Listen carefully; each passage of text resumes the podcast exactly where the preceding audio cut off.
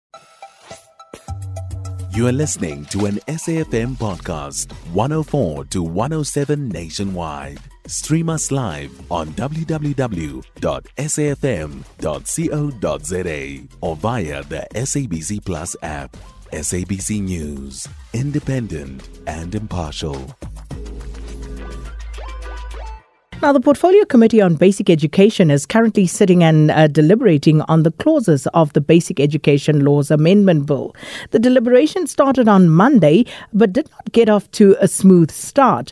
On Tuesday, the Democratic Alliance and the African Christian Democratic Party walked out of the committee, but on Wednesday, it was all back to normal. Yesterday, the committee heard the Department of Basic Education would need 16 billion rand to implement all provisions of the legislation. And some of the points that the bill seeks to transform or change include making grade R the new compulsory school starting entry point and making it a criminal offense for parents uh, not enrolling their children in school and holding a school governing bodies accountable for financial interests. So to get us uh, up to speed with the latest, uh, we're joined on the line by our reporter in Parliament, Abongwe Kobokana. Abongwe, good afternoon. So uh, firstly, the deliberations uh, on Monday uh, were were off to a rocky start. Uh, but uh, so far, what are the sticking points as things stand? Uh, good afternoon, uh, Sakina and the SAFM, SAFM listeners. Perhaps we should start from the beginning, uh, Sakina, be- before I answer your question. The culmination of these deliberations uh, started in this week um, as a result of uh, various, uh, uh, uh, uh, the completion of the provincial public hearings that were held in various provinces nationwide.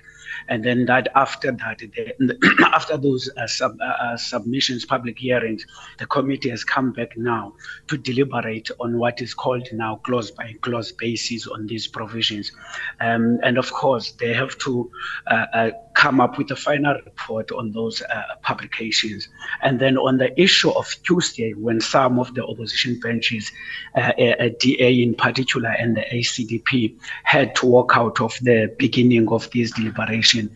It was an issue of the complaint from, from, from them uh, regarding to some of the submissions that were made in the provinces that were not included in the in the in the in the final report of the committee but i think uh, uh on wednesday or uh, yesterday we saw that the committee began uh, um, in earnest and then there were no sort of differences assumption is that perhaps the the problems that they had that they had to to to resolve and then you are quite correct yes some of the issues that were were raised in the beginning of the of, of, the of the committee yesterday was the issue of 16 billion rand that has to be uh, funded uh, in, in terms of funding this bill. You remember that the, this this is actually not a new bill per se, but it's an amendment on a current legislation on the basic education, and therefore the the department in itself is the one that is tabling the, this bill. So there were there were also advices from Parliament, from the legal services of Parliament, uh, particularly particularly on the issue of the submissions and, and also They were also concerned yesterday by some of the members of the committee that uh, the department hasn't actually requested or consulted the national treasurer uh, regarding this money that it will needed in terms of, of funding this bill. And then today actually is that is that process going on in terms of the the the the the, the, the, the, the clause of or the provisions of the of the of, of the bill one by one. Of course, those are technically issues in terms of the legalities, that are going on today. Uh, uh, uh, so far, the committee is, is, is, is, is moving uh, smoothly in, in that regard. Uh, just getting back to uh, the consternation over the written submissions, uh, Abongwe, which is, of course, what caused the walkout by the DA and the ACDP. What did they actually resolve in that regard? What was the advice from uh, the, uh, the the Parliamentary Legal Services? Well, uh, Sakina, yesterday it didn't uh, emerge from us, at least uh, during the start of the committee, um, on, on what has been resolved in that stalemate as to w- what have they decided upon. But the assumption will be that because now that these members who were not happy with with the exclusion of certain uh, and uh, of certain uh, provisions are now part of of, of of the committee. They didn't actually complain anymore. So the assumption would be that maybe they did agree that everything that was submitted during the public hearing should be to, should take part in these in these deliberations. Again, on your question about um, the legal services of Parliament, their advice yesterday, they they they maintain that look, um, uh, the committee, and in fact Parliament, in its own through its committees as the engines of the of Parliament, is constitutionally obligated to actually consider each every submission that was made, so that to, to, to give account on the voices that were made during these submissions because you understand the issue of the bills or amendments or any other form that is being done, it's a public consulta- consultation and therefore the, the, the, the, even the public, the, the, the public itself uh, are, the, are the stakeholders in this process. So in, in, for parliament or any other committee of parliament, not only the basic education, it has to take those public hearings into consideration. And this was the, the stance that was given by the, the, the, the, the, the, the legal services, saying that parliament is obliged. It's not a question of a choice. And that makes it very interesting then, because uh, as far as I uh, understood, they hadn't looked at those uh, 9,000, was it, Abongwe, written submissions or uh, hadn't taken it into cognizance uh, sufficiently.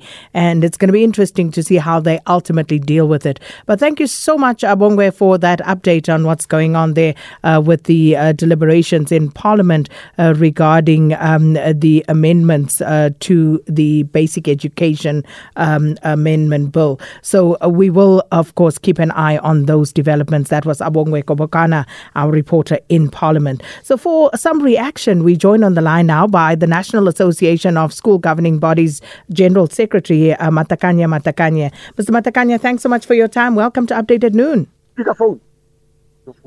Mr. Matakanya?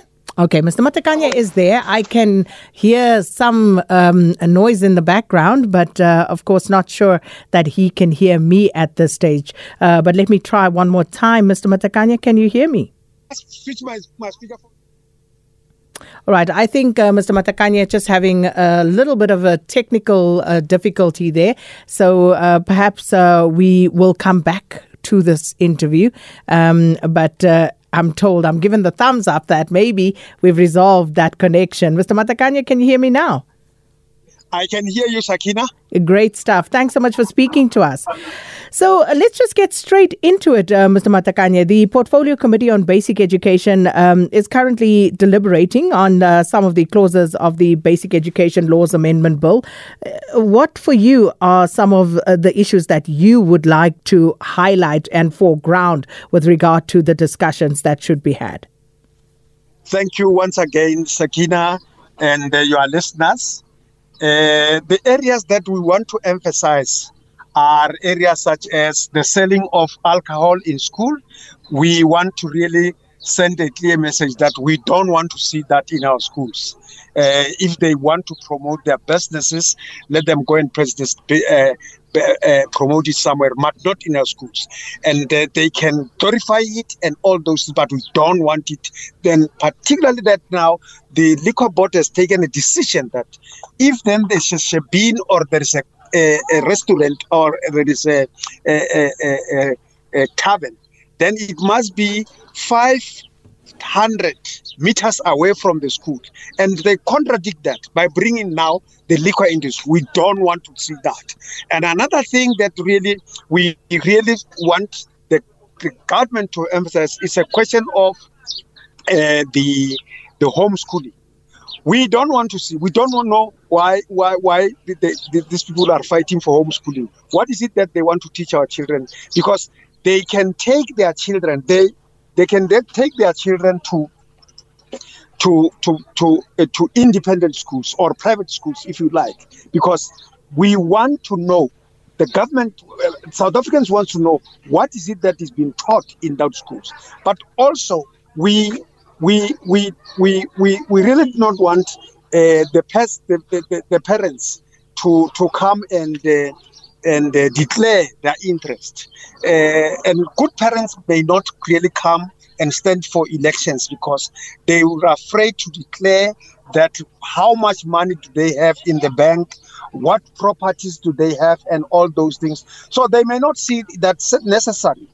uh, to come and, and stand for elections uh, next year. So I think that must also be removed. But we are supporting this bill because, Sagina, this bill is also a tool that we use to transform or to use uh, in the transformational agenda.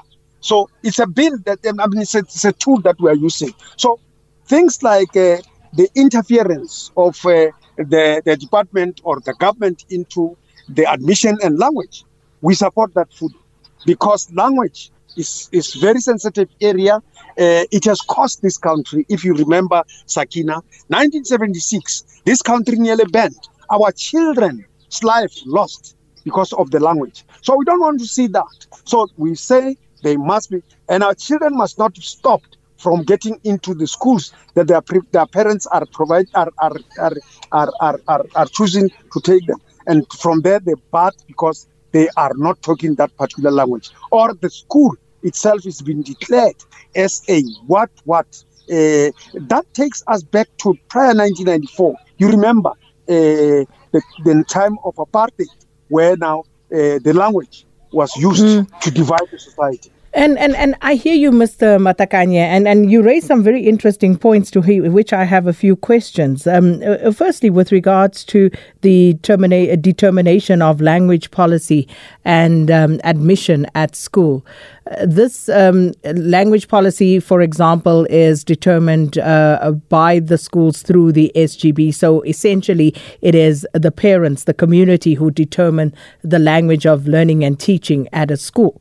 So what is wrong with the current provisions in that regard? Because I don't understand why we would want to give that as function to a body that is further removed from a community as opposed to those who live in the community to determine. Look, uh, I think other other communities that uh, they want to preserve the, the past uh, will find that now the HOD supposed not to interfere into that because it's the prerogative of parents. And we, we, we don't have a problem with that.